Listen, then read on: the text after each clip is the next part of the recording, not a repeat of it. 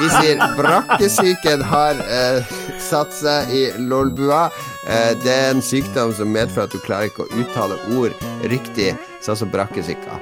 Eh, Jon Cato heter jeg. Lars, du er med fra din egen lille brakke. Whoop, whoop. Nå er alle skap åpne, alt er rot for de som er interessert i hvordan det ser ut her.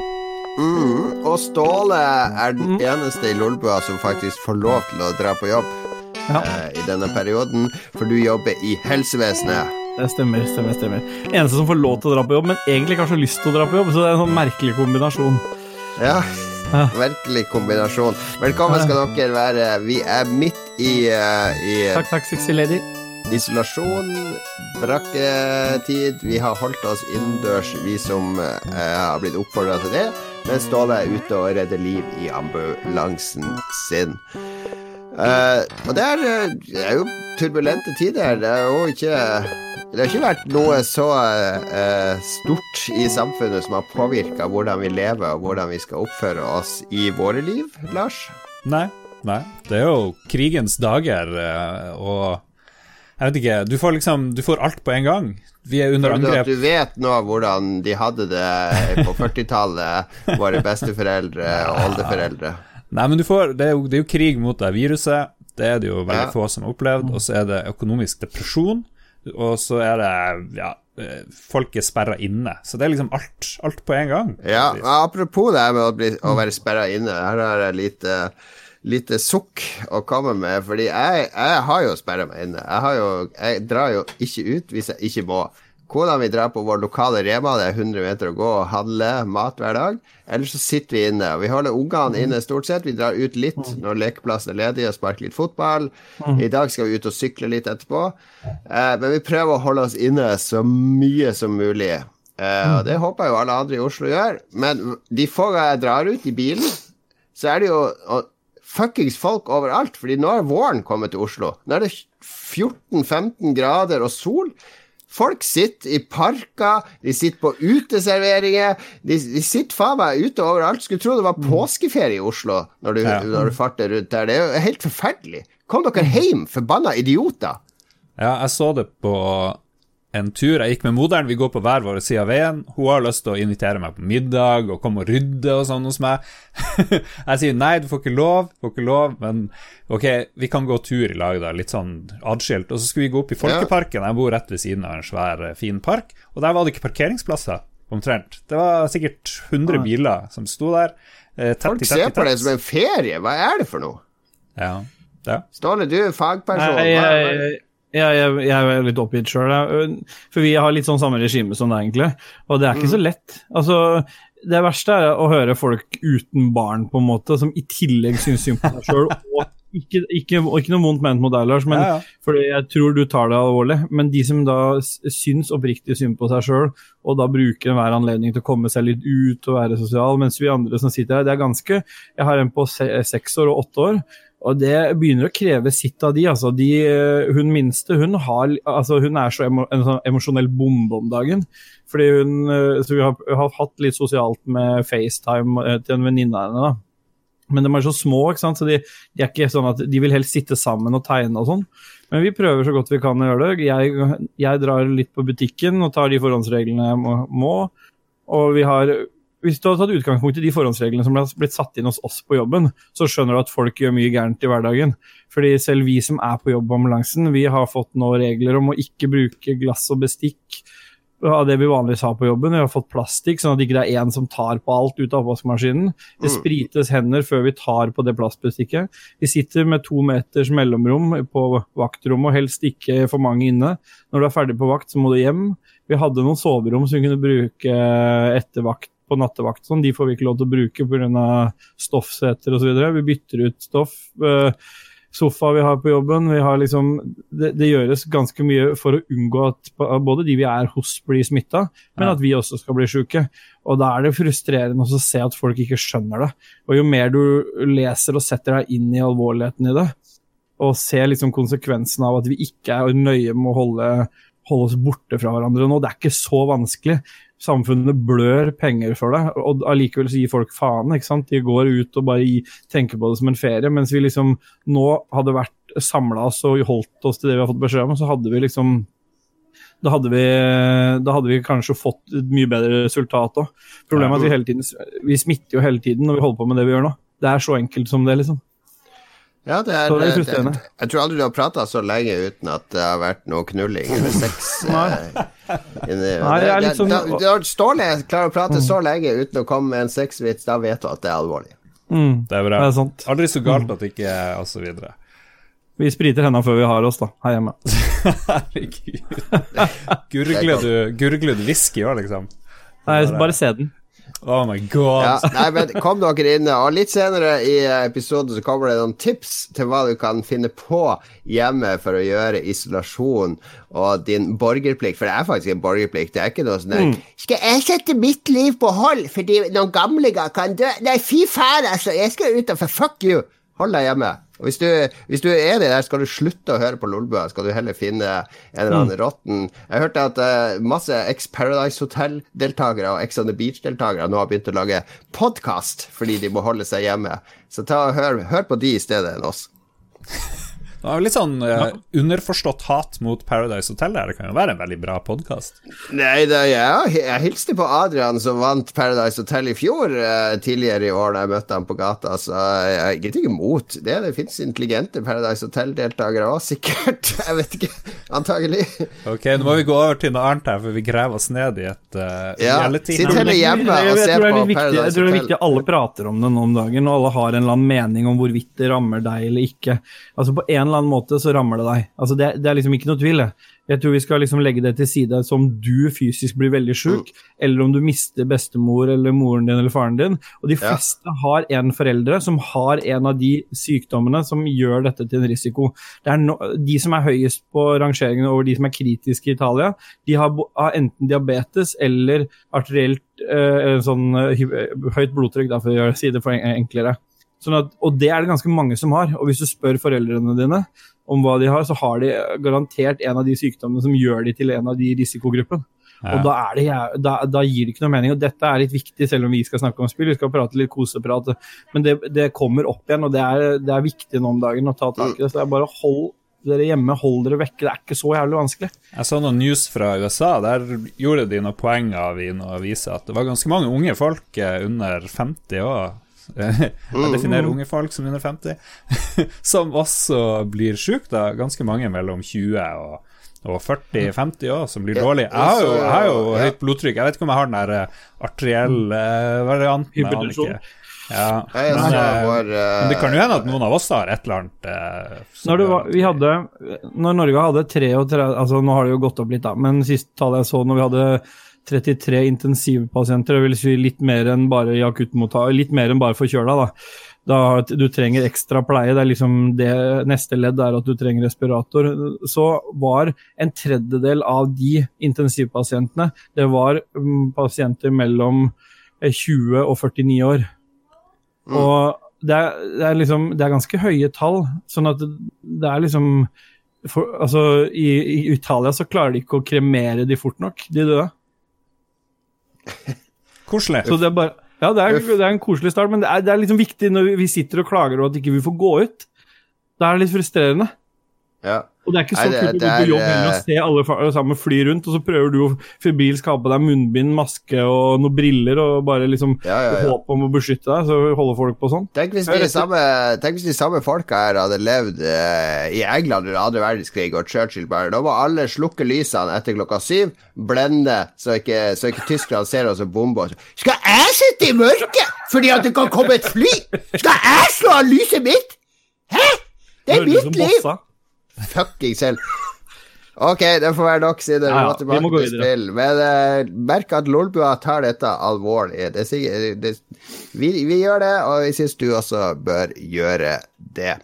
Og vi tilbyr også avlastning i koronakrisa. Vi, vi samler jo inn penger til World Health Organization. De har begynt å streame, og så har vi et vips nummer Og så er det litt sånn komplisert, men Vips, det er ikke noe vips integrasjon til Twitch, så vi har faktisk koda det sjøl, vår, vår, redaksjonsmedlem Dag Thomas.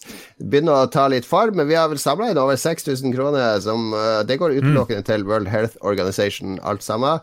Vi skal legge ut kvitteringer. Vi har lagt ut noen kvitteringer sånn allerede på det. Men uh, vi håper å, å, kunne bidra der med litt avlastning. Blant annet mitt uh, DJ-sett hver lørdag så lenge koronakrisen varer. Det har vært en suksess. Det er, mm. Jeg tror det var 55 i snitt som så på nå sist lørdag. Det er veldig bra. Ja. Du, vi har samla inn 7325 siste sjekka. Nice. Ja da, og det tikka jo opp uh, underveis i DJ-settet på lørdag kveld og det er utrolig god stemning. Så uh, sjekk, sjekk det hver lørdag nå fremover.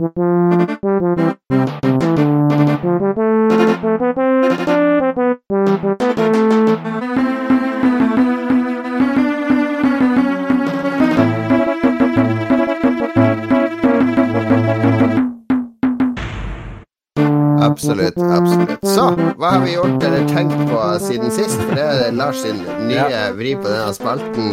Eh, hva har du gjort eller tenkt på, eller drømt siden sist? Hvor skal, skal vi ha en egen spalte der vi snakker om hva vi har drømt òg, Lars? Jeg hadde, jeg hadde en drøm i natt.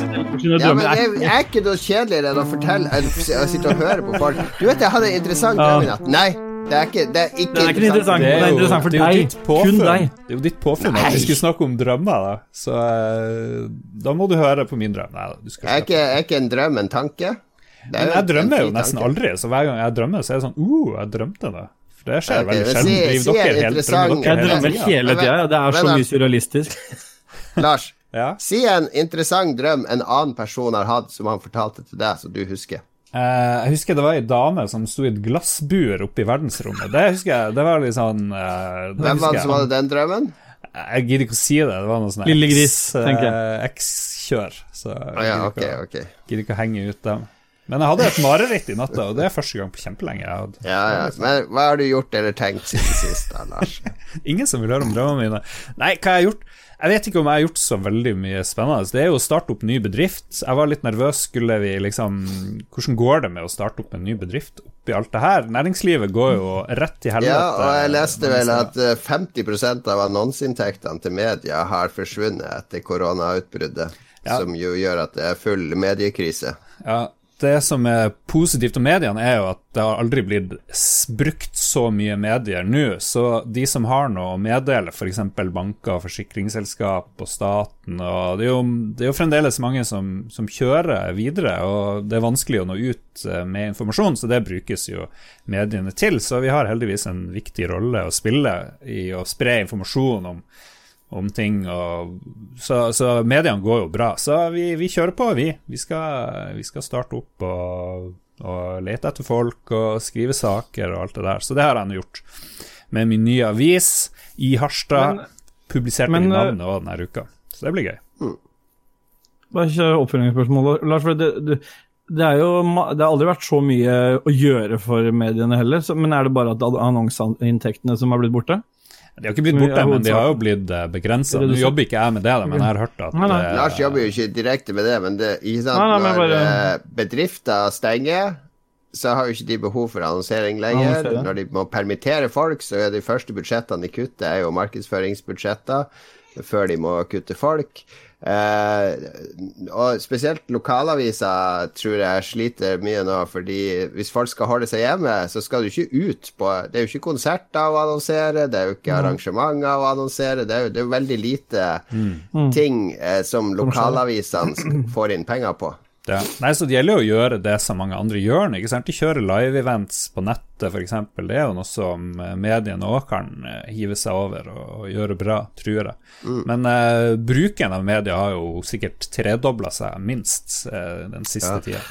Så, og veldig stor del av inntektene til medier nå er jo brukerinntekter, dvs. Si sånn plussopplegg. Uh, og mm. forhåpentligvis Nå har jeg ikke noe avis i gang som jeg kan måle det på sjøl, men jeg tipper at det har gått opp også. Mm. All right. Vi må snart komme oss til spill. Jeg føler spillpodkasten har blitt spist opp av korona. Men uh, uh, jeg kan jo kjapt si hva jeg har holdt på med siden sist. Jeg er veldig flink til å holde meg hjemme. Uh, og kjøpte jo Rett før utbruddet kjøpte jeg jo en SodaStream-maskin på tilbud fra Obs. Og den har fått kjøre seg nå som vi alle er hjemme. Har laga Farris og Pepsi og det som er.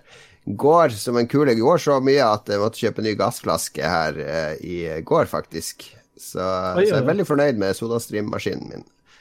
Hva er favorittsmaken? Hm? Hva er favorittsmaken? Nei, det er Pepsi Max. Pepsi Max SodaStream smaker jo bedre enn Pepsi Max fra flaske.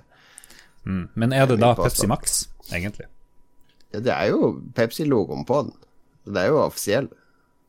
Det ble veldig Schrødingers katt der, følte jeg. Kanskje. Ellers så mm. sysler vi litt med litt sånn våropprydding. I går så flytta jeg ut alle sykler, og flytta alle akebrett inn i garasjen, og gjort hage for, for Vi har jo fronthage og bakhage, gjort det litt sånn klar for våren. I går lå jeg til og med ute i sola en time og leste. Ja, her det lurte jeg på om jeg skulle gjøre. Det er snørekord i Harstad. Jeg har ikke fått det offisielt, men det har aldri vært så mye snø hos meg. i hvert fall Garasjen er delvis tildekt av snø fra topp til tå. Så jeg kan gå opp på garasjen min fra uh, Skavla ved siden av. Det er deilig, det, for da holder folk seg inne. Det er mye verre når den vårsola kommer og bare ja. Isolasjon og isolasjon! I dag er du på. Ståle, det er mer dramatisk hjemme hos deg. Ja, nei, men ikke, dere, dere, kan velge litt, for jeg har en veldig hyggelig en, og så kan jeg dra oss tilbake til korona igjen. Men i og med at det var liksom Lars som satte stemninga for, uh, med både spørsmål og sånn for, for, episoden i dag, så har jeg jo selvfølgelig et dekkende tema. Så dere får velge litt. Jeg har en hyggelig sak, eller den uh, som står i sendeskjemaet? Begynn med den hyggelige, da. Det er jo, ja. Ja. Den, hyggelige var at uh, den er ikke så lang, men den er veldig tynn. Og det var at jeg um, sto opp, og jeg våkna jeg våkner Nå kommer noe om sex. Hva, hva du tror er oddsen på det? Og, så, og jeg, disse unga pleier egentlig å være masete fra tidlig av, men akkurat i dag så er det ikke masa, så både jeg og Stine har fått sove litt. Og så hører jeg datteren min på seks år roper ned at nå må det komme, for nå er det frokost. Så tenkte jeg, Nå er jeg spent, for det her kan jo bare bety et kjøkken som ikke ligner på noe. Men så runder jeg trappa ned hjørnet, og så har hun ordna i stand både med tacorester fra i går, satt på melk og Biola, henta brød, pålegg og dekka på tallerkener og alt mulig. Og så hadde hun liksom ordna i stand frokost, da. Og så sier hun til meg jeg tenkte, det var, tenkte at dere skulle få sove litt, sier hun. På seks år. Så det er litt sånn hyggelig oppi alt det der. Vi får veldig sånn Av å gå hjemme, så blir du veldig enda mer knytta til familien. Så så lenge man er glad i hverandre, så er det jo ganske bra, da. Det er verre for de som ikke er så glad i hverandre. Det er jo kjempehyggelig. Men det er, sånn når mine barn har gjort det, det er veldig sjelden, så er det dobbelt så mye opprydding etterpå, for de har grisa og sølt. Nei, de hadde, ikke gjort grisa noe, nesten. Det var helt What? fantastisk. Og hun pleier å være helt Ja, nei, ingenting. Og så når vi var ferdige å spise, så sier hun 'Jeg kan rydde, jeg, så kan dere sitte og slappe av'. Wow. Ja, det er det verste. Ja, det er helt sjukt. Det pleier hun ikke å gjøre, altså.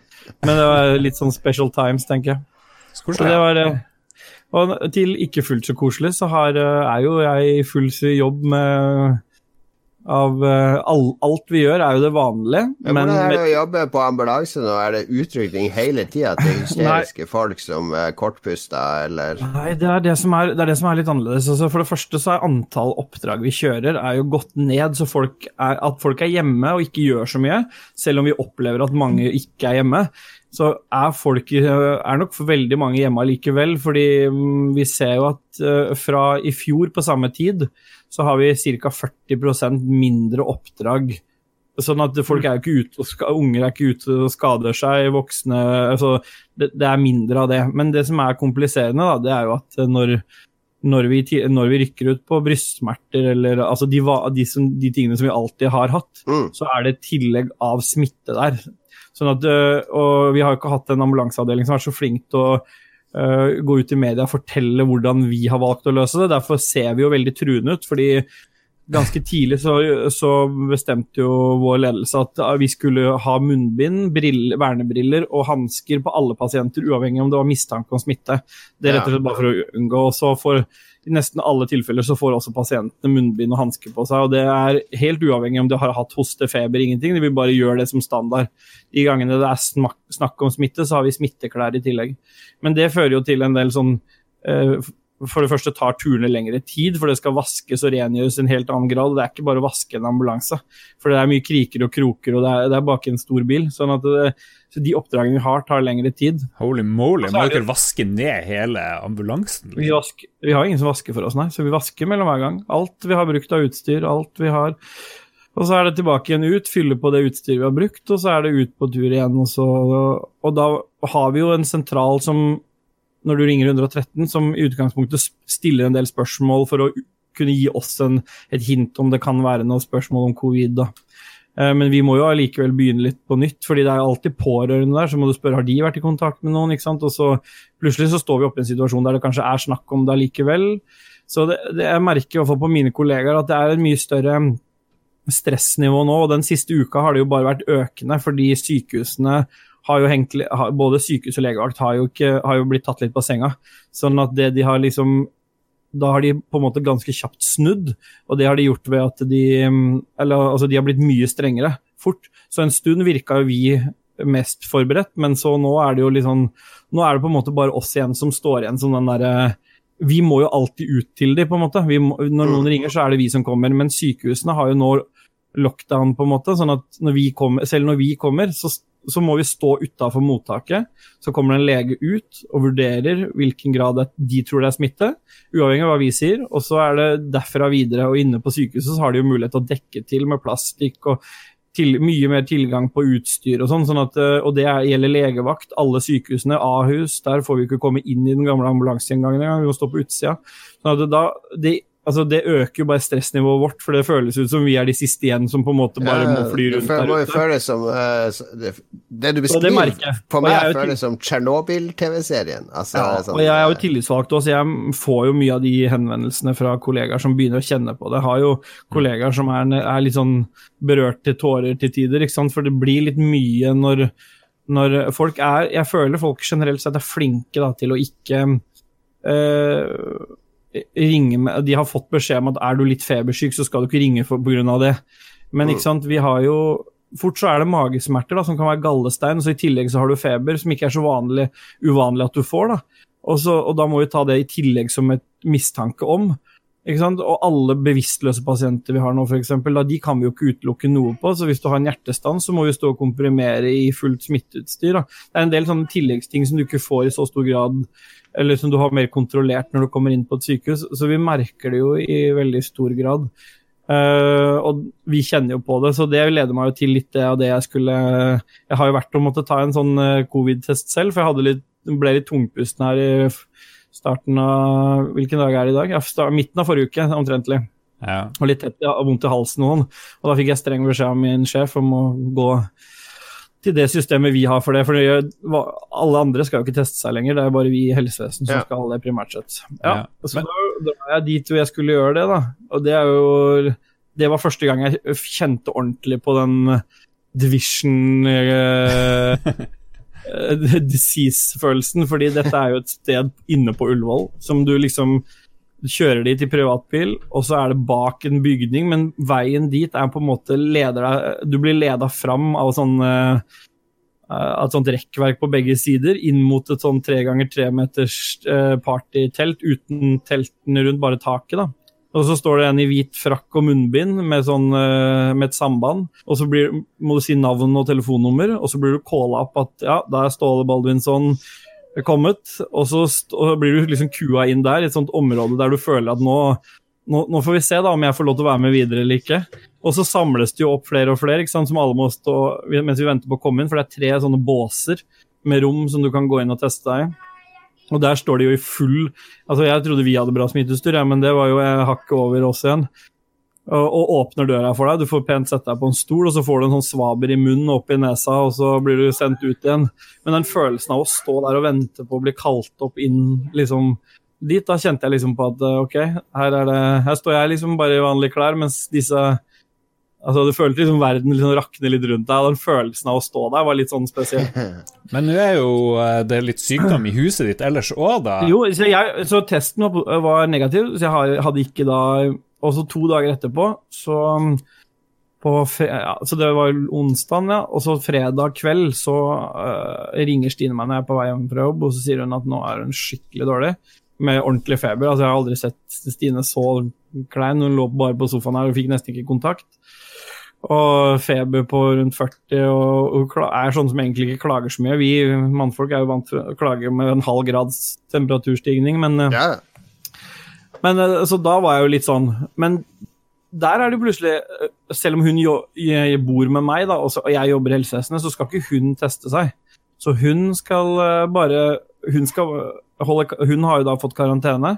Fordi at man ikke vet om det kan være det eller det. Nå virker symptomene hennes som mer som vanlig influensa, men hun er blitt gradvis ganske, ganske raskt mye bedre form, selv om hun har vært i senga. Så har hun ikke så høy feber.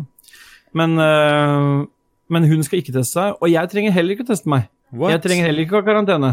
Jeg, kan, jeg skal på jobb så lenge, så lenge jeg er frisk. Det er prosedyrene våre. Det er dobbeltsjekka Først ringte hun, for Stine er ganske ansvarsfull, så hun ringte liksom rett til Asker legevakt da, for å se liksom, hva skal hun gjøre. Jeg skulle bare få og så dobbeltsjekka jeg det med våre systemer, men uh, tydeligvis er det liksom Smittefaren er der når du er syk, så da må jeg bare være obs på Så lenge jeg er frisk, så Ja, ok. ok, Så du kan i teorien ikke smitte andre hvis du Ja, ja men det er jo mange som er Men liksom, Ja. det fins jo Folk er jo asymptomatisk syke, det vil si Ja. at de har ingen symptomer.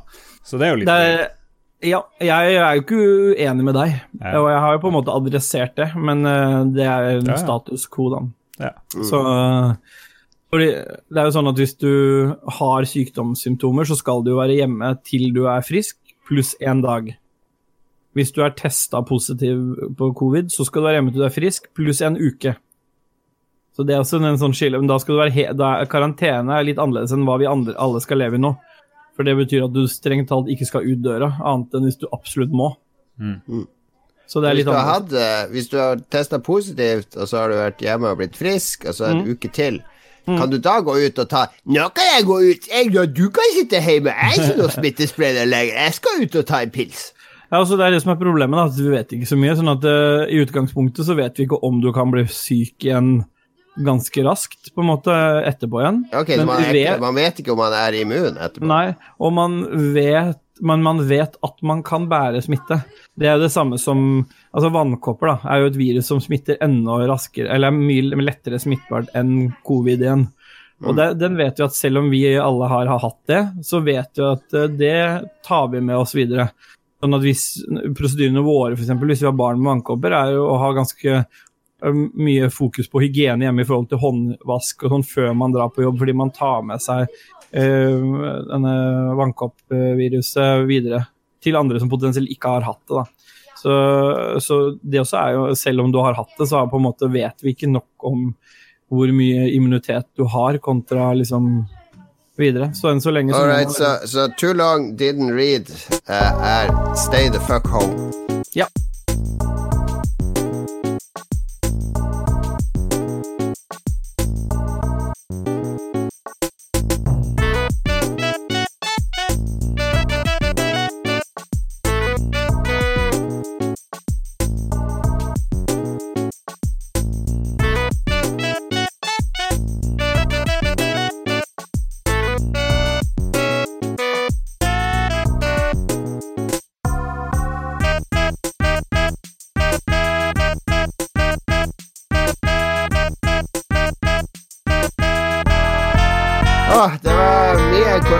Koronaprat, men eh, det er vel i tidens tann. Og så merker jeg det er veldig deilig å prate med dere òg. Få eh, Mm. ha litt sosial kontakt. Det er jo denne sosiale kontakt vi er vant til å ha, så for oss er jo ikke dette noe unormalt. Men jeg syns jo synd på mange folk som ikke er vant til å ha kontakt over nett. Det er jo de som sliter mest nå. Mm. Ja, det glemte jeg. Hadde en hang, hangout i går med tre andre kompiser. Så vi satt og prata drit i to timer og hørte på musikk fra deg, Jon Cato, og koste oss. Så Ja, det kjempe, anbefales. kjempekult. Jeg syns jo også Netflix og sånn burde jo ha en funksjon om å se film sammen. Det fins. Det er sånn Chrome add-on-drit. Ja, så kult. Ja. Ja, ja. Det, vi kommer til det i tipsspalten, fordi nå en veldig fin ting å gjøre når man skal sitte så mye hjemme, er jo å spille spill. Og det er også mange muligheter til å være sosial der. Og uh, jeg har fått tid til å spille mye rart. Det har uh, kanskje dere òg. vi kan begynne med, med Lars. Eh, Ja. Etter mye masing fra kaptein Nilsen, en av våre legevenner som er med på eh, hytteturen hvert år, Han, har, eh, han sitter oppe i Tromsø eh, og er veldig, veldig opptatt av ett spill som jeg tror over 30 millioner registrerte spillere er det i det spillet nå. Det er nemlig Call of Duty Warzone. Yeah, baby. Det jeg liker med Warzone, det er jo et, eh, det er jo et hva det heter, Battle Royale-spill, men det er, så, Yes. det er så mye mer action, føles det, enn andre lignende spill. Og når du dør, så er det ikke nødvendigvis eh, at du er ferdig, for da havner du i noe sånn et en fengsel. Og så kan du Ja, ja, ja. Mot en annen fyr, og det er jo veldig gøy. Jeg har faktisk vunnet alle bortsett fra én kamper, tror jeg. Inni der, mye lucky headshots, og så kommer du ut igjen. Uh, og så hvis du dør enda en gang, så kan de andre betale for å få deg inn igjen. Så det føles Ja. ut som det er mye mer, mye mer action, og kampene er Det er masse ferdig. second chances. Det er litt mer uh, Altså, Player Unknowns Battleground, så er det jo Det er 20 minutter med å snike seg rundt og lute og få masse bra utstyr, og så blir du skutt fra 300 meters avstand av en eller annen tysker. Ja.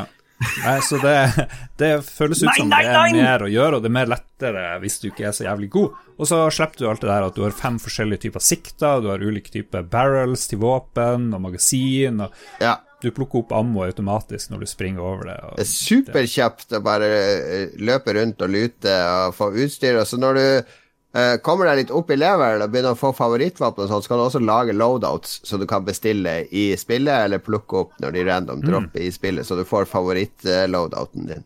Ja. Nei, og så, og så tar det ikke så lang tid å skyte folk og drepe dem òg, så det er litt deilig. I uh, Det som er kanskje deiligst, er jo når du treffer folk, den lyden av kule som går inn i mennesker, den derre Fantastic. Det, det er en sånn deilig bass i den der lyden der. Det, det er det spillet jeg har spilt der det er den beste lyden av kulene dine som treffer en fiende. det. Nei, så jeg må si jeg eh, liker det godt. Kom veldig fort eh, inn i det. Jeg er jo ikke noe sånn god, da, men eh, nei, det, det er et fantastisk spill. Det er det. Gratis. Bare å laste ned. Vi har spilt det masse. Det er også crossplay, og det er jo veldig positivt. Så jeg spiller jo på PC, jeg har spilt med mine PlayStation 4-venner, og til og med Ståle har jo spilt med på Xbox. Vi hadde jo en kamp med jeg og deg, Ståle, og doktor eh, Nilsen, med én på PlayStation, én på Xbox og én på PC. Det var akkurat Det var Det var nesten noe religiøst over det. Det var som Gud på PC, altså Den hellige ånd, det er da Xbox, og Jesus er PlayStation. Så det var en hellige treenighet. Det er framtiden i spill, det, altså. Du vil, spiller der du vil være, men du spiller med de du har lyst til å spille med. Jeg tror det, altså. Jeg syns det er helt fenomenalt. Jeg har spilt eh, kanskje litt for mye siste uka. Det er jo to moduser i det. Den ene liker jo du best, står det. Det er den plunder-modusen, eh, som er ganske annerledes enn Battle Royale. Ja, den er, jeg elsker det jo, fordi der er det litt annet aspekt. Fordi du Der eh, er jo hovedmålet med sitt lag å komme til én million dollar først. Mm. Så da må du fly rundt på mappet og ta Fordi da har du egentlig loadout. Det, det handler Ja. ikke om å finne våpen, men det handler bare om å finne kiste med penger i, og så samler du noe, så kan du enten sende det opp i et helikopter, eller med bestille en ballong. Ja. Det er litt sånn Det er tidvis litt sånn eh, Ja, det der med den ballongen. Sånn, jeg jeg syns det, det er dritkult, det. Og den, kost, den også må du jo kjøpe ut for penger. Da har du den helt til du dør, da. Da, re, da, da Ja, for her respawner du hver gang du Ja. dør, så det er ikke sånn der permadeath. Men du mister også Men det er også litt av greia. ikke? Du mister jo casha, mye av casha dine når du dør, så du må liksom De andre på laget må jo enten prøve å hjelpe deg hvis du blir eh, tatt ut, og få tatt inn de casha, eventuelt så så mister, mister man jo det, da. Så ser ser du jeg hele sliter litt med i den modusen, her, fordi jeg har spilt det et par ganger Mm. uten deg òg, det er jo at hvis du beveger deg i periferien og prøver å Mm. ta litt sånne kontrakter for å få penger og lute litt, så blir du liggende ganske langt bak. Og så blir det ingen combat, så driver du bare og sysler rundt uh, ute på Ja, sånn, kanten av kartet og gjør ting. Ja, nei, Litt kjedelig, og så plutselig er det bare noen som har vunnet. Men hvis man spiller litt aggressivt og går etter Mm. de, for du får vite hvem som har mest penger, og hvor de er på kartet, og liksom prøve å raide de hele tida, eh, ta en lastebil, kjøre opp, så, så blir det, er det ganske gøy. Mm. Ja. ja, jeg syns vi hadde et par kule, kule runder der. Og så blir det litt mer engasjerende for de som dauer, fordi de vet at de når som helst kan komme inn igjen hvis de andre gjør det bra, så da følger du mye mer med dine venner Ja, som Selv hvis du er fucker med bulagen, liksom, så kan du jo bli kjøpt tilbake. Altså, det er ganske kult. Jeg syns de har gjort veldig mye riktig, altså. Ja. Knallspill fra Activision. Activision, verdens beste spillselskap. Hyll deg, Bobby Kotik, for det du har fått til med dette spillet. Alt er glemt, alt er tilgitt. Vi elsker Warzone her i Lolbua. Uh, det er bare det du har spilt, Lars? Ja. Ikke noe Skyrim? Ikke noe Skyrim. Tenkte over det om jeg skal spille Skyrim her om dagen. har du spilt bøker. Ja. Hva skjer? Det er bra. Eh, et spill som jeg og du har spilt, Ståle, som vi koser oss gløgg i hjel i, er jo det nye Nintendo Switch-spillet Animal Crossing New Horizons. Ja. Jeg har, eh, jeg har ikke Hva spilt heter øya di? La meg gjette. Heter Buttplug, eller uh, Det, det er så synd barna, at det ikke så du må kanskje ha litt Safe, safe for children-navn. Ja, ja da, da, er det greit å legge et premiss for det, da, fordi at alle brukere på samme Switch uh, får automatisk den samme øya. Så den første brukeren som lager seg en, ja, de bor på en samme karakter, øya, så, så bor de på samme øya. Sånn det, og da var det datteren min som fikk uh, gi navn, så da ble det selvfølgelig ikke noe buttplug-relatert. Men uh, jeg satt jo og kribla fælt etter å lage et navn som ikke de forsto, som kunne være hyggelig, men som jeg så på som noe annet. Men uh, det ble noe så enkelt som her, hennes forslag var 'Her bor vi'. Så øya heter 'Her bor vi'. Ja. Min øy heter Lolbua. Ja, det skulle jo bare mangle. Så det er ganske Jeg har jo aldri spilt Animal Crossing før. Jeg har bare, ja, det er første gang? Ja, jeg testa mobilversjonen som kom til Ja, den, er ikke, sånn. den var veldig dårlig. Den var skikkelig dritt. Så det var bare delete etter en, et par dagers bruk. Men dette her er jo kjempekoselig. Altså, det er jo i den tida og med alt det, den tematikken vi snakker om nå, er det noe du bør spille hvis du har en Switch, er det jo Animal Crossing. Er det noe som mm. tar deg vekk fra alt annet, så er det jo bare å gå rundt der, samle Og har du barn i barneskolealder, og ja, det engasjementet fra de ungene fordi når ja. du bor på samme sted, så har man mm. noe felles å prate om. Hei, mm. vi trenger litt mer wood til, mm. uh, til Tom Nook. Det var ikke en sexvits, Ståle. Ser du sitt på det? Tom, Tom Nook trenger ikke sånn han trenger litt wood. wood. Han trenger annen type wood, for han skal bygge butikken sin. Så går vi alle sammen og må hakke litt på trærne, samle wood. Eh, 30 stykk. Yes, vi har det. Vi leverer det. Det blir sånn dugnadsfølelse sammen mm. med barna. Mm. Ja, det er kjempekos. Så jeg snakka litt med han eh, produsenten vår, han Kobrakar også, og vi sa liksom ordet 'send' helt likt. Det er sånn utrolig sånn avslappende å sitte og kose ja. seg med det spillet.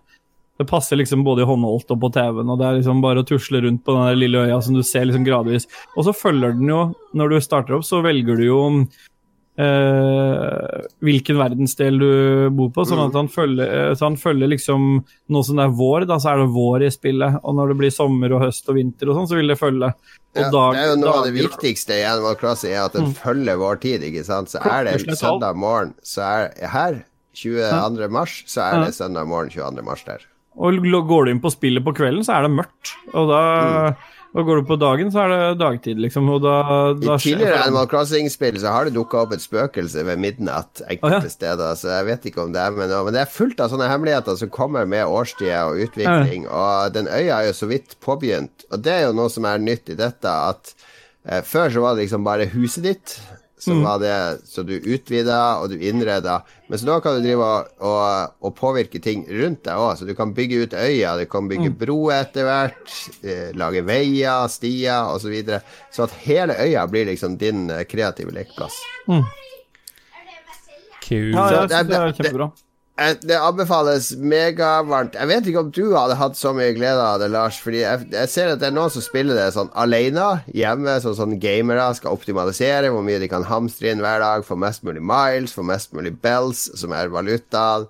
Det det, det, tror jeg ikke det spillet er laget for. Nei, det er, det, du, da mangler du en dimensjon. Jeg mener mm. at det spillet blir best når man bor flere sammen på en øy. Okay. Mm. Okay. Jeg skal vel kanskje få det, men jeg spiller så lite på den Switchen, da. Det føles Switch jeg har jeg ikke noe forhold til lenger. Så. Jeg syns du skulle kjøpe deg det. Altså, vi kan også besøke hverandre online. Ja. Det er jo også en funksjon i spillet. Jeg har jo drevet og flydd. Eh, jeg har henta Hvilken frukt har du på din øy, Ståle? Du, vet du hva, har, eh, vi starta opp i går sånn for fullt, eh, så jeg venta på å få tilgang. I dag så har jeg muligheten til å fly, og så mm, jeg måtte hjelpe min sønn med å få på å skjønne noen challenger i, i Fortnite på Battle Pass hans. Han leser ikke engelsk, så jeg måtte ja. Jeg sitter og jobber med det, så nå skal jeg ut og Tenkte jeg skulle ta en tur med flyet nå. ja, men det, Vet du ikke hvilken frukt du har på øya di? Jo, hvilken, å ja, det var det jeg spurte om. Jeg har pære. Ja. ja. Jeg trodde du spurte om hva jeg har vært og henta. Nei, jeg har, bare, jeg har pærer, bare. Men jeg må jo vel ut og få henta det på noen Ja, andre jeg har eh, kirsebær. Så da Ja, men vi da kan jeg komme og hente deg. da kan vi besøke hverandre, så kan du Ja. få noen kirsebær hos meg, så tar du med Ja, noen pærer. Fordi greia er jo at da Du må jo ikke selge de, du må jo plante de. Ja. For da får du kirsebærtrær som vokser hos deg. Da, da ja, får du nice. en jevn ja, flyt. dette må vi det, Vi må Ja, gå inn og den, den frukten du har som vokser på øya di i starten, der tror du du får bare 100 per frukt når du selger. Men hvis du Ja. importerer frukt, hvis du da får kirsebærtrær, så tror jeg du får 300 eller 400 per kirsebær når du selger. Ja, for jeg har ikke fått opp det at jeg kan selge ting ennå. Ja, nei, i butikken. Ja, det, det, Ja, det det kommer, jeg har ikke kommet ennå. Det har liksom akkurat kommet at jeg har Ja. fått det flyet. Men da skal jeg ut og hente kirsebærtrær hos deg. Eller kirsebær. Ja, ja, du skal få kirsebær. Jeg har fått pære hos noen allerede, og så har jeg fått uh, appelsiner, så jeg mangler fersken, og jeg tror det er en Jeg vet ikke hva den siste frukten er. Men det var liksom kul eh, Eple. Eple. Guttungen rista på han, til og med han satt og så på meg og Andrine spille. da. Og, han bare, og han, etterpå så måtte han lage seg sin egen, for han syntes det var så kult. Så han, liksom, han skulle bare spille Fortnite, da, men da måtte han til å lage sin egen. Han sto rista på et tre, og så fikk han noen bier i huet. Og da fikk han noe svært eh, Da ene øyet hans ble Mm. Ja, ja. Lokka, ja, lokka igjen, og det andre går jo sånn Han ser jo helt uh, skada Altså, hvis ut. du da snakker med de dyra som Ja. bor på øya, så får de helt sjokk. What? Are you a zombie? Men det beste er at eh, du da må vente nesten en dag før det er borte igjen. Du må gå rundt sånn, eller, eller ta medisin, da. For det tar litt tid før den hevelsen går ned, liksom. Så det er ganske kule uh, smådetaljer. Ja. Det som også er artig detalj etter hvert, er jo at når det bor flere på en øy, så er det jo sånne NPC-dyr som går rundt, som Mm. har personligheter, og de begynner å baktale eh, Nei. det etter Gjør de hvert. Ja, vet du hva han geita sa om deg i går, pappa? sånn. Nei. All right. Nei, Animal Crossing, magisk spill. Eh, Vi driver også Du må også lære ungene dine å sende brev. Det kan du gjøre inne på flystasjonen. For da kan du sende Jeg sender jo gaver til ungene mine, så når de Ah, ja. logger på, så er det brev i postkassen fra pappa med en eller annen gave. Så har de sendt Ah, brev tilbake, og han ene, han yngste sønnen min, da skrev han i brevet I love you, pappa. Og sånne ting. Det er veldig koselig hilsen å få i et spill. ja.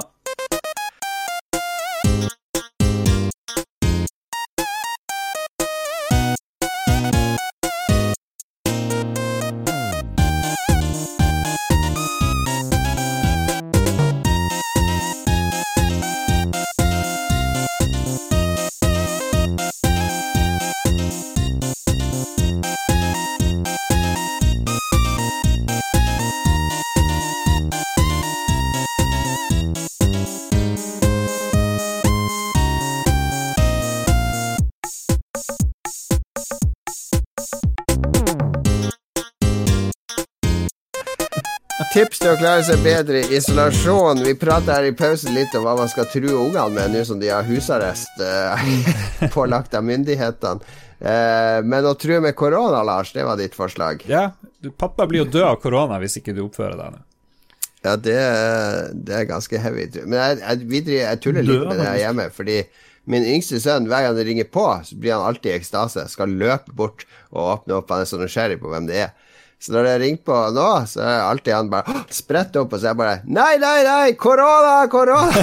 og så løper han heller og gjemmer seg bak stolen mens de voksne åpner. Stakkars. Og de kommer til å være traumat, traumatiserte eh, lang tid etterpå. Da, de klarer seg bra. Men hva skal man gjøre for å klare seg i isolasjon, så man slipper dette her Det er så fint vær, nå må jeg gå ut, jeg kan jo ikke sitte inne i det fine været. Skal, hvordan skal man klare seg? Ikke alle er Vi gamere er jo Vi har øvd på det her hele livet. Altså hele vår alle mine somre så har jeg jo sittet med rullegardina rullegardiner nede foran en skjerm og spilt dataspill. Jeg har hatt venner gjennom dataspill, internett kom, jeg har spilt med folk over nett. Det er ikke noe problem for meg å sitte hjemme 24 timer i døgnet og være sosial og få føle at jeg har en fullverdig, et fullverdig liv. Men Men, for mange De er det jo et problem. ute, de kan jo på en måte være ute, bare de på en måte vet viktigheten av å, å holde seg mest med, med, med sine egne søsken. Jo da, jo da, jo da. Sånn at det liksom og selv hvis du møter noen andre, så er det jo liksom når du er utendørs, så er det jo bare å være alle, Hvis alle er bevisst på en, liksom en meters avstand, så var jo vi og gikk en tur med en uh, kompis av Noah fra skolen, så, og de, de var kjempeflinke. De gikk jo liksom sånn halvannen meter fra hverandre, men det å bare se en klassekompis og så gikk jeg og skravla med mora, så humra vi litt av hvor rart det var at vi gikk liksom sånn unaturlig unna hverandre. Men, men det var jo ikke noe med større problem enn det. Nei, nei. Det er ikke noe problem, det. Vi Nei, nei, nei, være bare si, mest bare si mulig hjemme. da. Det var det. Og, og, da, og da gjelder det jo å, å, å kunne nyte den tida man er hjemme, eller i hvert fall føle at man gjør noe. For det jeg tror mange føler på når du går hjemme en hel dag, er at de har kasta bort en hel dag. Mm. Altså, men det tror jeg nok mange føler på. Men så tror jeg mange er veldig bevisst Altså, det er jo litt sånn at man trenger jo på en måte ikke å, å, å gjøre det til så mye en greie. Altså, det er jo det at det er sånn underliggende Det er den underliggende delen av at man ikke skal.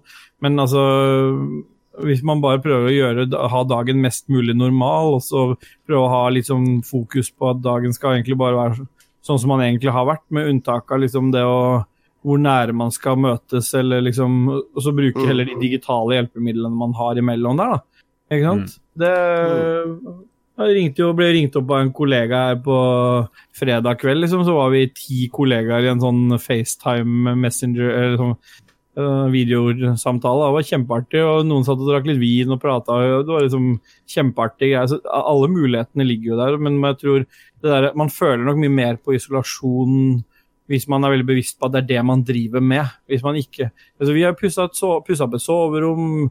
Bestil, altså det eneste forskjellen er at du får, hvis du bestiller noe på nett og du får det levert hjem, så kommer de ikke inn til deg, de setter det på utsida.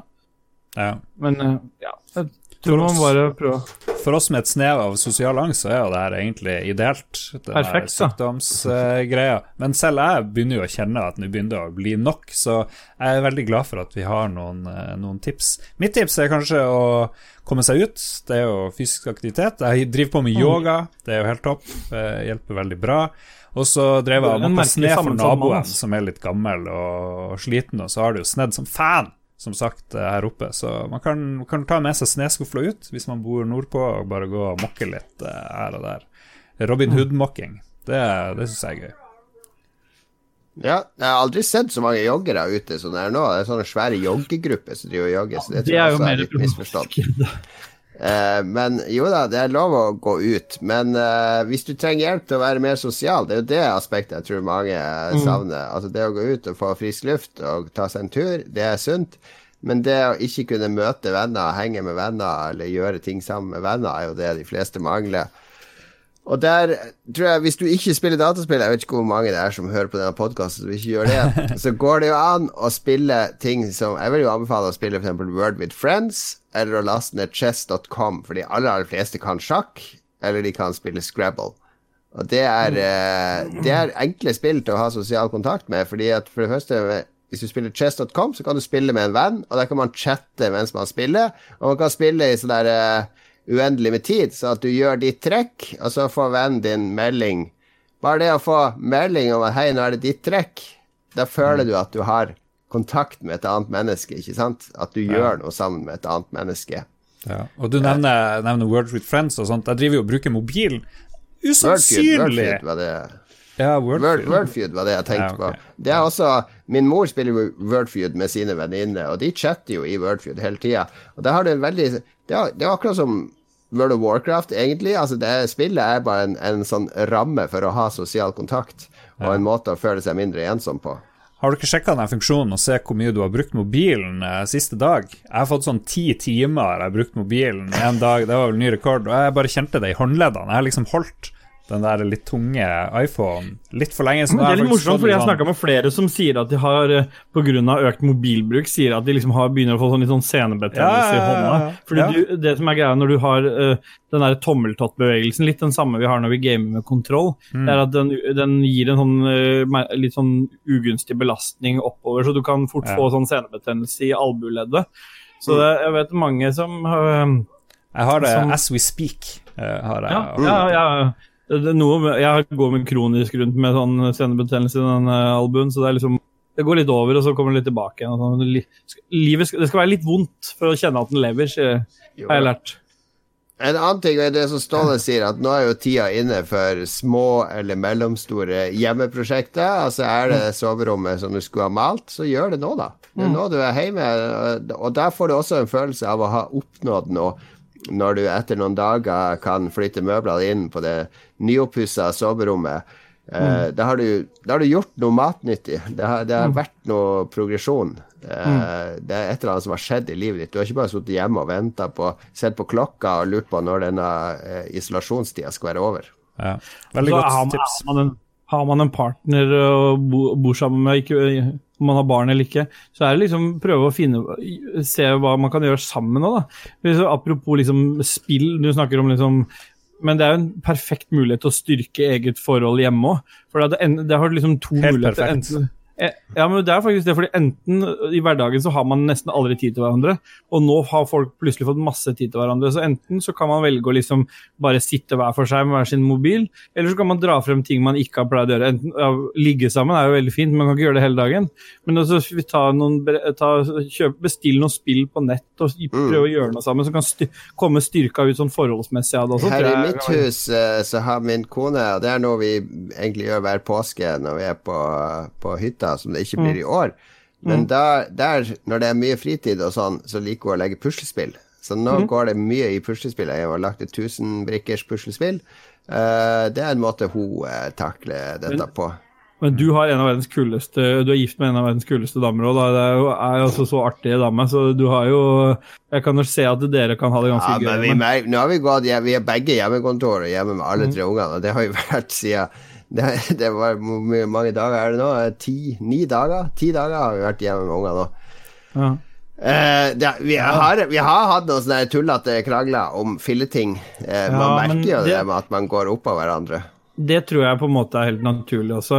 Det andre alternativet er på en måte sånn som det har vært hos oss forrige uke. Det er at eh, jeg har jobba masse, og hun har sittet med alt, på en måte. Altså Skulle, ja. skulle vært lærer, og så skal, holder jeg på med en bacheloroppgave, og så innen jeg kommer hjem, så er det så drittlei alt som har med det hjemme å gjøre. Så det, det kan slå begge veier, det der å gå oppå hverandre. Men jeg tror liksom, uansett man eh, Hvis man har noen hjemme, så bør man i hvert fall bruke muligheten til det. Og hvis ikke, så er det bare å Altså, Hvorfor må man egentlig alltid ut og møte en kompis? Altså, det er jo å sitte og skravle med en kompis på FaceTime eller bare vanlig telefon på høyttaler. Eller, eller å spille Sea of Thieves. Mens du spiller, liksom. Det er jo helt konge. Vi gjør jo det når vi spiller, men hvis ikke du har en venn som spiller så, så mye, så kan du liksom bare ha, sitte med et avslappende spill, du, med Animal Crossing mens ja. du sitter og men Lars som er alene, det er jo det er de som har det verst, tenker jeg. Ja, jeg vet det. Det er, Definitivt. Det er jo en grunn til at jeg har det eh, vondt i handa etter å ha brukt mobilen hele tida. Det er jo fordi det er ingen å prate med, så jeg sitter jo hele tida og melder med småtteri. Jeg vet, jeg vet hvorfor men, du har vondt i handa. du, du, må få deg en sånn runkemaskin, for det fins faktisk. Ikke bare flashlight, men den faktisk runker deg. Så det er en mulighet, så slipper du den, den betennelsen. Men, men, eh, for alle de som er alene, som er single, som har, så er det jo i hvert fall viktig å prøve de der som vi snakka om i stad. Øh, hvorfor, du må jo ikke hjem til noen for å se en film sammen. Du kan jo se en Netflix-film eller en Altså, Uansett kan man jo se det hver for, ja. på hver sin kant. Jo, nei, jeg leste det var noen som delte. Man må prøve å være sosial ja. uten å møtes, og det er i 2020 veldig lett. Ja. Hadde dette skjedd i 1990, eller, altså, så hadde det ikke vært samme måten å få det til på. Det hadde blitt kontakttelefon. Ja. Det og Pyton sin uh, tulletelefon.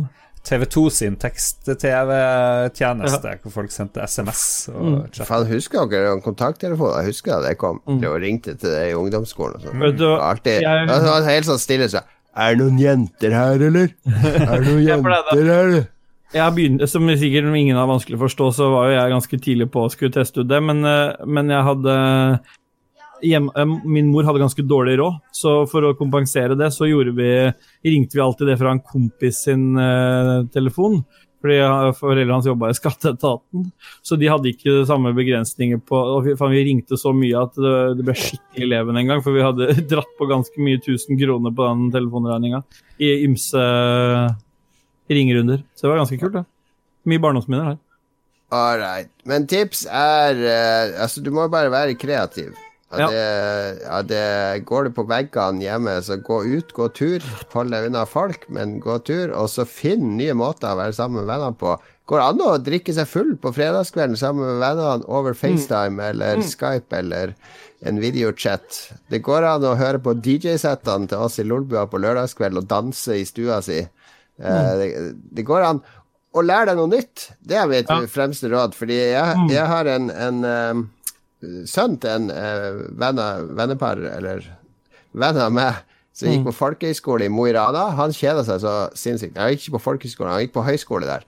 Og så kjeda han seg ganske mye på fritida. Ble i Mo i Rana, hadde ikke noen venner. Så i løpet av ett år så lærte han seg å spille piano, og nå han spiller piano, så du skulle tro han hadde øvd i siden han var lite barn. Men han satt på YouTube og med sånn pianokurs på YouTube og sånne ting, og øvde og øvde på kveldene. Ta opp et instrument nå. Det er jo nå en perfekt anledning å sette av en time hver dag til å lære deg å spille den gitaren som har stått oppe på hemsen din nå i, i, siden du var 15 år gammel, og du lovte deg sjøl som 15 år at en dag skal jeg lære meg å spille gitar. Den står i kjelleren. Gjør det. Ja, gjør det, Lars. Do it. Du, du snakka en gang om at du skulle lære deg å spille Final Fantasy 9-låten på piano. Uh, Final? Fantasy 10. Ja. Final Fantasy 10-låten på piano. Det klarer du innen mai. Ja, så har du ja. naila det, fordi det er nå du har tid og anledning og isolasjon til å gjøre det. Bra tips. Og reise litt bli bedre mennesker, ikke verre mennesker Ja. i isolasjon. Det er vårt råd.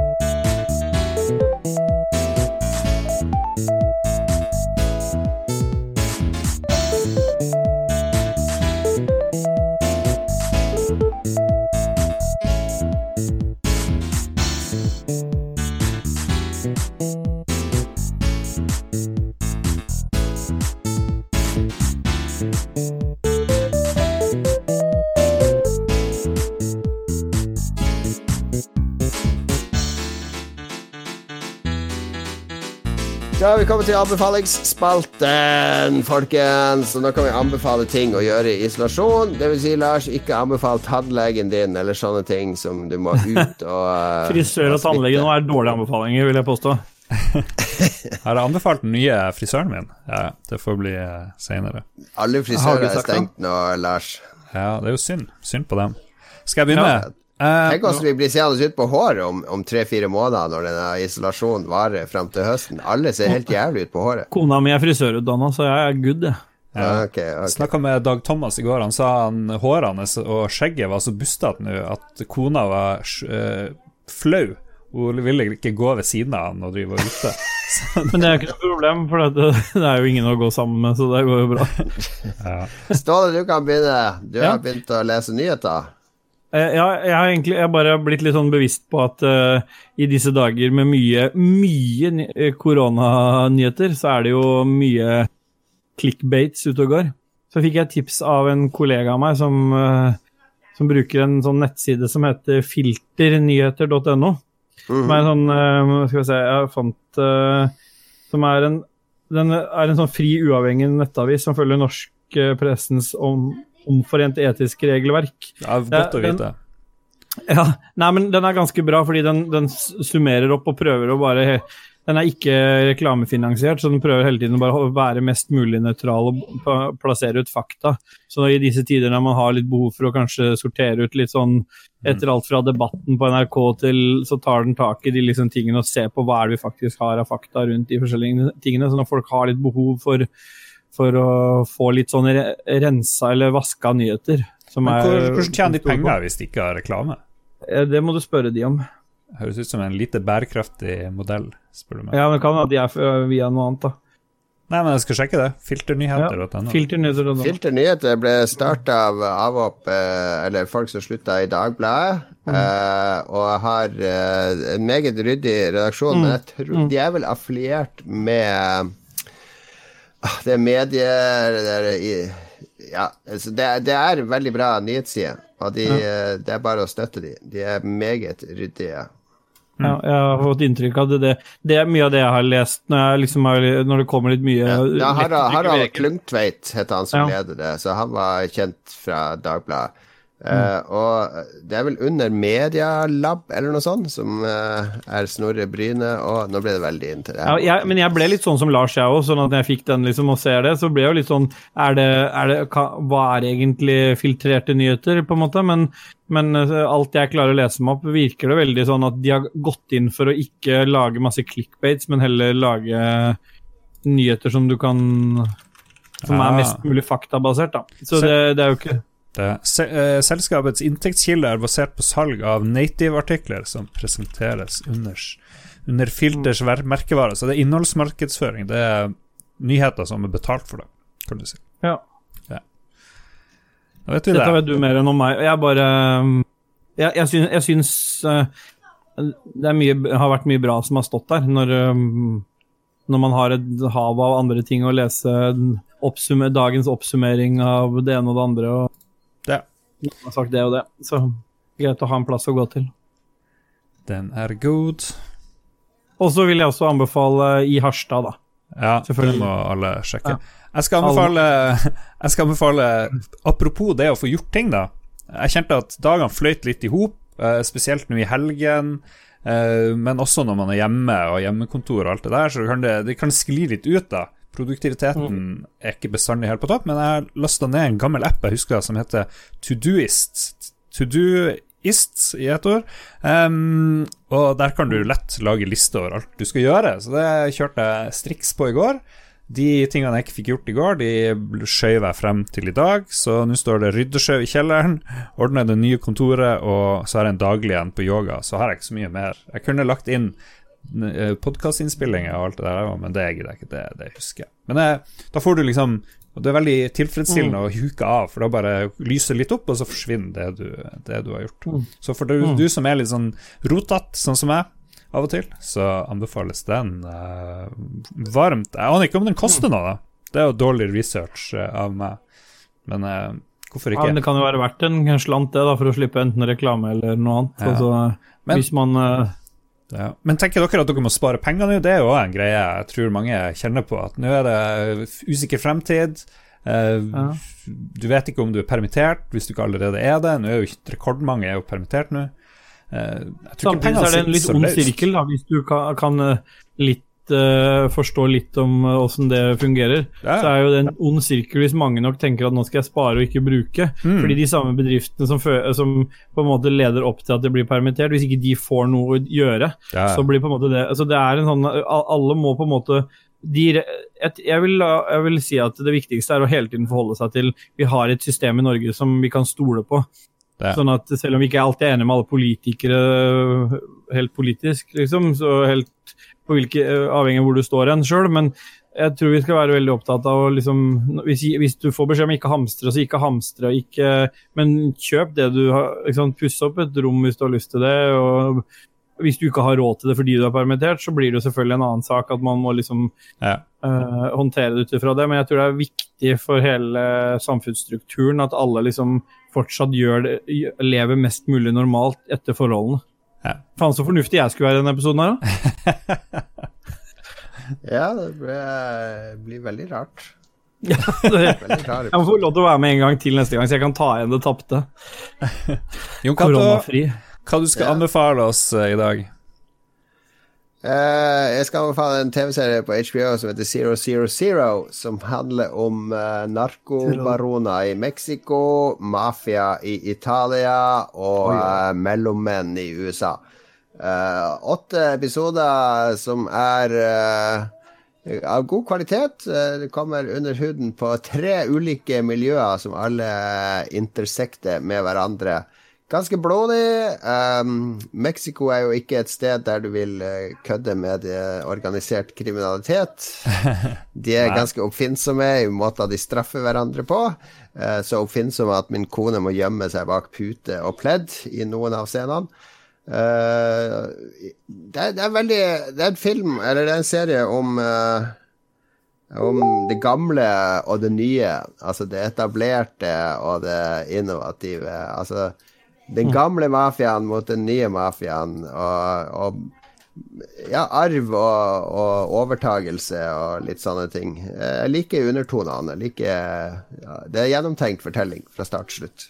Ja. Jeg tror Katarina har og sett på noe. Hun drev og anbefalte Ja, det, det handler om en sånn diger last med, med kokain som skal sendes fra Mexico til eh, Italia. Eh, og så er det intriger i mafiaen i Italia om denne lasta, og så er det intriger i Mexico om de som har sendt denne lasta. Og så er det litt drama blant disse mellomfolkene, disse amerikanerne, som eier dette frakteskipet som skal frakte det over Atlanteren. Så den er uforutsigbart Uforutsigbar og meget, meget spennende. Er den, minner den noe om den her uh, drugs-serien. Uh, den Narkos den har ikke orka å se. For den, jeg jeg syns det var sånn hjemmevideokvalitet på alle de, de scenene i Mellom-Amerika. Det var et eller annet som ikke tiltalte meg med den. Men den her har ikke noen klare helter eller skurker. Altså, alle er egentlig skurker i denne serien.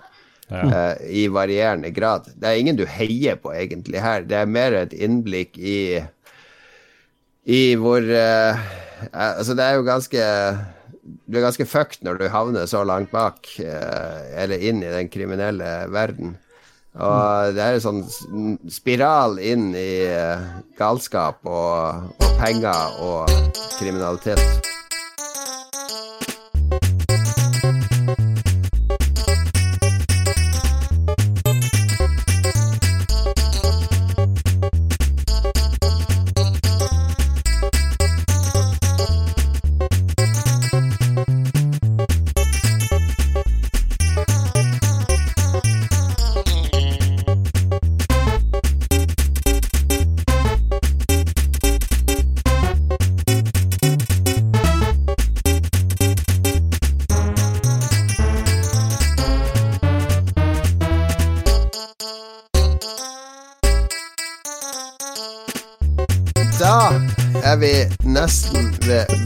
Veis ende. Det er fortsatt uh, en del lyttere som uh, er i live, som har sendt Oi. inn litt sånn lytteranmeldelser, da, Lars. Ja, vi spurte Internett er fortsatt åpent, så de klarer å kommunisere med oss. Men om en måneds tid, uten internett, så får vi se hvordan det går.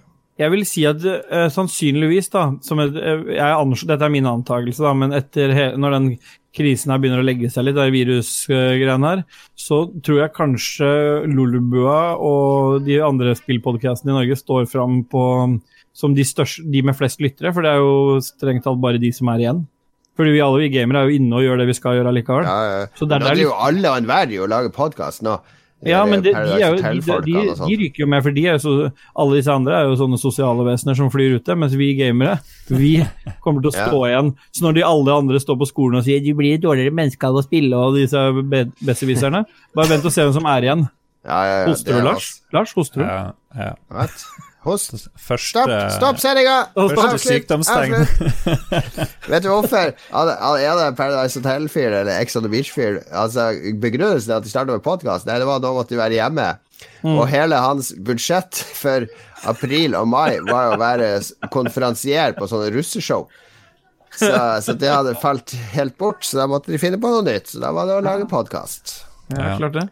Denne uka så spurte vi uh, lytterne hva de holdt på med. Hvordan klarer de seg, ja. hva de gjør, har de noen gode tips? Og uh, Håkon Puntervold Puntis, en uh, fastlytter, han sier at det går helt topp. Helga har vært fylt med kort og brettspill og spaserturer med familien. Men han er jo en stor retrogamer, og han sier mm. at et tips for å ikke kjede seg, er å bli med i gruppa Spillklubben på Facebook, hvor han hver måned utfordrer folk i ulike spill. Og denne måneden så er det, det er ganske heftig. Det er å runde seks Disney-Capcom-spill til Nes, og så skal du få high score i Bubble Bobble på samme maskin. Um, og så sier han at han uh, Martyrik Karsten Solheim nå er på topp uh, der på lista over de flinkeste gamerne. Og så takker han oss for å fylle dagene til folk med podkast og stream, så det har vi jo glemt. Eh, vår mann Philip og andre, Dag Thomas, kjører jo nå omtrent hver dag. Jeg tror vi har hatt hver dag i det siste. En eller annen type stream på uh, twitch.tv uh, slash lolbua, så dit må folk Mange som har blitt flinke til å streame nå. Jeg ser Radgrow har isolasjonskammeret, streamer de mm. hver dag, nye spill. Og i Lolbua er det Final Fantasy 7 gjennomspilling, og Dag Thomas har til og med streama litt Doom. Ja, jeg har aldri sett en så, så svett og redd mann før som når Dag Thomas spilte Doom på uh, høy vanskelighetsgrad. Men igjen så sier jeg, hvem er det som kommer, hvem er det som tilbyr noe nå? NRK, TV 2, det er så vidt de tør å sende et eneste program. De kan ikke ha publikum, ingenting. Vi har jo aldri hatt publikum. Så sånn sett så er det jo Og da, hvem er det som leverer innhold? Det er jo spill eh, Vi leverer som, har, som før. Alt er som normalt hos oss, bare at vi skalerer det litt opp. Jeg ser jo at og derfor blir vi et bedre tilbud enn de andre, for de andre blir borte. Ja, men veldig mange artister som skal hatt konserter, da, de har begynt mm. med sånne online-konserter og, ja. og, sånne ting. Det er jo live-konserter fra Sentralen i Oslo hver dag, der de har et sånn minimalt crew som rigger opp, og så er det artister som spiller. Jonas Alaska har spilt, og andre. topp at man begynner å bruke nå skal jo, Det er også norske kinofilmer som skulle hatt kinopremiere nå, som har hatt premiere på nett, så man kan Kult. se dem som video on demand i stedet. Og det er noe Hollywood må begynne å se på, for egentlig skulle det være James Bond-premiere nå ganske Ja. snart. Eh, Den utsatt. Den nye Black Widow-filmen til Marvel er vel også utsatt på ubestemt Mm. tid. Få de ut på nett! Ja, ja. Tilpass dere virkeligheten. Jeg hadde glatt betalt 200 kroner så meg og kona mi kunne se James Mm. Bond i premierehelga hjemme på TV-en vår. Ja. Men Og hvis der Odeon, eh, Odeon kino kunne jo kjapt kasta seg rundt nå og tilbudt sånn à la kolonial, bare med hjemmelevering av popkorn. Hjemmelevering av bacon, overprisa baconsnacks og popkorn. Ja, ja, overpris av baconsnacks og popkorn som du bare får hjem på døra, og en kinofilm. ja, ja. Dette er jo helt konge. Men det kinobransjen mangler, det er jo at ok, torsdag eller fredag klokka da, da så er det premiere, og da må alle være der for å få med seg den premieren. Mm. Eller du har ulike klokkeslett hvor du starter, og så sitter alle i noen virtuelle rom, og så ser man, og så kan man chatte litt, eller et eller annet. For den, nå er det så oppstykka med HBO og Netflix og Viaplay og alt det der. Det blir litt sånn Det er litt sånn vanskelig for kinoen å finne sin plass der, tror jeg. Så der mangler det et eller annet. Du kunne ha én visning Ja, denne, ja, som denne helga. kunne- En med som, som tre millioner over hele verden kunne betalt for å få sett den i akkurat det tidsvinduet. For da blir det en sånn felles, Ja, ja. felles event, og så kan alle snakke om det etterpå og tweete om det og, og alt sånn. Ja. Vi må bare finne nye løsninger, ikke Ja, se do it! Do it. Vær løsningsorientert. Vi går videre. Kai Håkon, Ståle, hva sier han for noe? Ja. Han skriver, han skriver sånn at det går veldig bra. Han har fin tid uh, både jobb og trene daglig. Det er den trenedelen har ikke jeg tatt Nei, så mye den med meg. jeg har, Herregud, jeg har ikke rørt på på ti dager. Jeg kjenner det faktisk litt, for jeg pleier å være enda mer eh, tro det eller ei, men jeg pleier å være litt mer aktiv enn jeg har vært nå. Og utover det så, har han ikke, så bruker han eh, mye av tiden på å se Deadwood, som for øvrig er en skjult perle innen serier. Det er en, eh, en sånn serie jeg ikke har fått sett, som jeg har veldig lyst til å se. Ja, HBO Spiller, tror jeg han er på. Bra må, det er perfekt mulighet til å se den opp nå. Han spiller brettspill med mine innestengte familiemedlemmer, leser bøker, fullfører spillbackloggen og pleier Dingus Island i Animal Crossing-. Vi burde lagd en sånn her egen sånn der vi, på Lolbua der vi delte litt disse her kodene til hverandre, så kunne dra på sånne virtuelle besøk til hverandre. Mm. Nei, men det er bare å gjøre det i Lolbua Entourage, vår community Start opp. på Facebook, som dere må følge i tillegg til Facebook-sida. Robert Carstensen, Jokato, hva har han å melde? Nei, han har uh, tre barn som er hjemme fra skole og barnehage for tiden. Det er you and me both, Robert. Ettersom han er separert og dermed alene med de, så er det ikke tid til å kjede seg. Nei, det kan jeg tro. Mm. et høydepunkt denne uka var at han begynte å spille WoW med sin eldste sønn, og han elska det. Trynegruser og knusetryne på tokt i Azeroth. Knusetryne er jo ganske fint, da, for der har jo dere en gjeng tryner, eh, Lars. Vi har jo pannetryne og ansiktstryne er jo to av våre venner. I, Mm. Des, de er jo ut, de er eksklusive i Destiny, da. Det er umulig å få dem til å spille noe annet. Eh, han eh, fyren med dagens eh, mest interessante navn, Andreas Antbro, eh, som har snakka med oss tidligere. Han er bror til Mauran. Han sier at det går bra, og beste tipset han har, er kosebukse, men commando-style. Så han nei, går. Nei, det går ikke. Da må du jo vaske den hver dag. Altså, går jeg bruker med sånn kosebuksa mi tre-fire dager. Ja, men det dere glemmer, er at mange av de lytterne her har, em, har ikke kommet dit at de, det drypper etter de har tissa. Det er mange som ikke har fått den prostataproblemet. men det er jo også det der når du Hvis du hadde en litt sånn spicy taco kvelden før Ja, det, er, det er greit å ha en Og så er det litt sånn seig eh, bæsj dagen etter, så skal du trekke den kosebuksa rett opp av den der eh, rumpa som du har tørka 20 ganger for og ennå ikke føle at den er helt ren. Ja, men jeg, er litt, jeg, er litt enig. jeg går stort sett i shorts hjemme, så det er mitt litt sånn, koseplagg hjemme. Det er å fly rundt i shorts, men jeg pleier å ha på meg en bokser under. altså. Ja. Ja. Uh, og Hva med deg, Lars? Du, du var så stille, Lars. Er det kommando under pysjen? Nei, det av og til så er det kommando, men det er det ikke nå. Men jeg tenkte jeg skulle høre hva folk går rundt med. Men Ståle shorts Yukato går med Ja. sånn eh, 60-års-pysj, ser det ut som, med skjorte. Og Ja, jeg går i sånn gammel pysj. ja, T-skjorte og Star Wars-pysjbukse. det, det er helt topp. Er det noen av dere som har prøvd å gå kommando utendørs noen gang i dongeribukse med glidelås? Ja, det er skikkelig ubehagelig.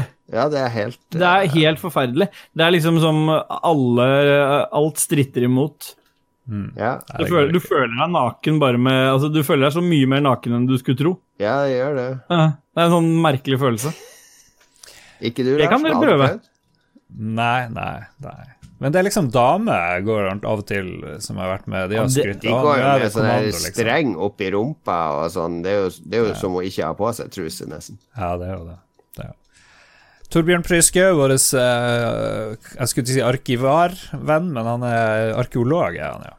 Ja. Jon Cato. Nei, Torbjørn sier at det går så greit eh, at eh, altså, jobb man liker å bedrive hjemme kan ikke, har, jeg bor jo ikke på noen sånn arkeologisk utgraving, så det skjønte jeg ikke helt. Det er kanskje ting å gjøre hjemme òg. Skrive rapporter på potteskårer han har funnet og sånne ting. Han Bøker å lese Ja. Unnskyld, han ser masse Indiana Jones. Uh, han har sett alle filmene, han tar det som studie hjemme, og så ser han Young Indiana Jones etter det. Ja. Nå fantaserer vi om hva Torbjørn gjør hjemme. Men han leser bøker, sier han. Han spiller spill, ser på serier. Er en meget original type, han her Torbjørn. Han gjør sånne ting hjemme som ingen andre gjør. Og Snøfall, som holder han i aktivitet annenhver dag med måking, der, det kjenner du deg igjen i, Lars. Helge. Ja, for han holder til oppe i Finnmark, han gjør? Ja, ja. Ja, Om vinden løyer, så drar han ned til sjøen og tar et dykk etter kongekrabbe til middag. What the fuck? Oi! Der nå begynner vi å snakke. Det, Tor- Torbjørn og jeg, vi lever så forskjellige liv som, eh, som det er mulig å leve, tror jeg. Ja. Hvem er det som dykker midt på vinteren etter? Er det, ja, det er sikkert noen. Og så har han der eh, Lord of the Rings Extended Marathon. Det passer jo bra i disse tider. Ok, til slutt, Ståle. Ja. eh, Carl Mal Ma Malik Pedersen. Jeg sier Carl, jeg. Uh, går bra med meg. Beste tipset mot å kjede seg er å gå en tur ute, Ja. han. Så fikk vi noen kjappe bidrag her. Eh, Even André Aarseth har sona 7 av 14 dager, så tida går fort. Eh, og bare å sette på kaffetrakteren, der ryker det en time. Og han sitter i sin brors eh, leilighet i karantene, da de begge var på jobbtur i utlandet, i Tyrkia og Romania. Så de sitter og koser seg med gaming og så videre. Og kona er hjemme alene. Han får ikke lov å være med dem. Hun vil ikke ha korona i hus. Så ja, det blir mye FaceTime med familien. Og Bjørn Bjelland, tre barn har han hjemme. Et spedbarn. Oi, oi, oi. Da er det mye liv. Eh, kona har mammaperm, så det går greit. Men han lurer på om det er de voksne som skal ta livet av seg sjøl først, eller om en av ungene brenner ned huset når vi sover. Så der eh, går det for seg. Å, fy faen. Ja. Ja. Det gjør våre lyttere hjemme. Takk for at dere deler lyttere, og takk for at dere hører på Lolbua. Og så ble det en litt alvorlig episode i dag. eh, Mye koronaprat, men Beklager. eh, Sånn er det av og til. Uh, neste uke så er koronakrisen helt over. Er tilbake til det normale. Stemmer ikke det, Ståle? Du som er Det er helt riktig. Da skal det knulles og runkes og herjes. Ja, ja, ja. Jeg lurer på åssen Tinder gjør det i disse dager. Er det noe vits å sveipe til venstre eller høyre, eller hvor det er du skal sveipe? Vet du hva, Det er det mest spennende du kan gjøre om dagen, tror jeg. Det er å ta en sånn digital Tinder-date. Ja. Det er å sveipe deg fram til noe, og så møtes dere, og så har dere Netflix and chill hver for dere. Og så får dere hverandre til å komme via telefon. Det kan jeg si. Det må Ståle, kan ikke du lage en sånn videotutorial i hvordan Mm. ha trygg sex i disse koronatider med, med fremmede? Jo, jeg og Stine kan ligge hver vår side av senga og vise åssen vi gjør det uten å ta på hverandre. Det høres bra ut. Det blir litt sånn. Patreon-eksklusivt. Det føltes litt deilig å være der. Jeg tror Torbjørn han er jo ikke noe glad i griseprat, øh, han øh, vår lytter, men han øh, tror jeg kommer til å like denne episoden helt fram til slutten. Dette blir Patrion-eksklusivt uh, for de som vil ha litt uh, kursing i dette. Fordi uh, mm. hvis du ikke støtter oss på Patrion, så har du muligheten til det. Vi har flere ulike tiers, og da støtter du også Spillrevyen, som jeg og Lars lager hver måned. Og så får du Ruffelbua, som er en eksklusiv podkast. Eh, Ca. én gang i måneden, og eh, tilgang til litt andre goder. Og det blir også Vi får se hvordan vi gjør det med neste fysiske gaver som skal sendes ut. Det skal se, skje nærmere sommeren, så vi håper på at det er trygt å sende ting til folk. Ja. da Og du sa spillrevyen hver måned. Vi lager det hver uke. Så det kom på mandag. Ja. Roffelbua hver måned, Spillerevyen er hver uke. Det kommer hver mandag. Eh, Støtt oss gjerne på Patrion. Det er det mange som gjør, inkludert våre fire produsenter, Lars. Yes, jeg overlater det til Ståle. Han er så flink. Mm, ja, det gjør du, vet du, for det er Kobrakar øh, 84, og så er det TTMXMP. Så er det Anne Bett og Øh, ja, vær så snill, da. Hvorfor får jeg jernteppe på han som er så ålreit? Rolf Helge, nevnte du han? Rolf Helge, ja. Oh, unnskyld, Rolf Rolf Helge. Helge. Tusen takk til dere som støtter oss med et solid beløp hver måned, og takk til alle andre som klarer å avse en slant. Og blir du permittert, eh, er, usi er inntektene Terminert, Er inntektene usikre, altså alle vi har fortsatt jobber, så må du kutte støtten en periode, så skjønner vi det godt. Eh, vi blir ikke sinte på noen, men vi Hvis ikke du kommer tilbake igjen når du får igjen jobben din, så blir vi sinte. ja, vi blir glad for alle som har mulighet til å støtte oss, for det gjør at vi kan gjøre mye mer morsomt med Lolbua.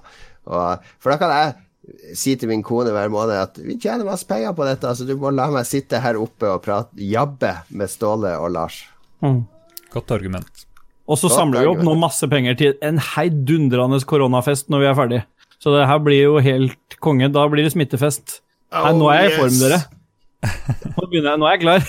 Smitte 2020. Det skjer. Vi snakkes neste uke. Ta vare på hverandre, hold dere innendørs, og ikke vær idiot. Ha det bra. Ha det! Ha det bra.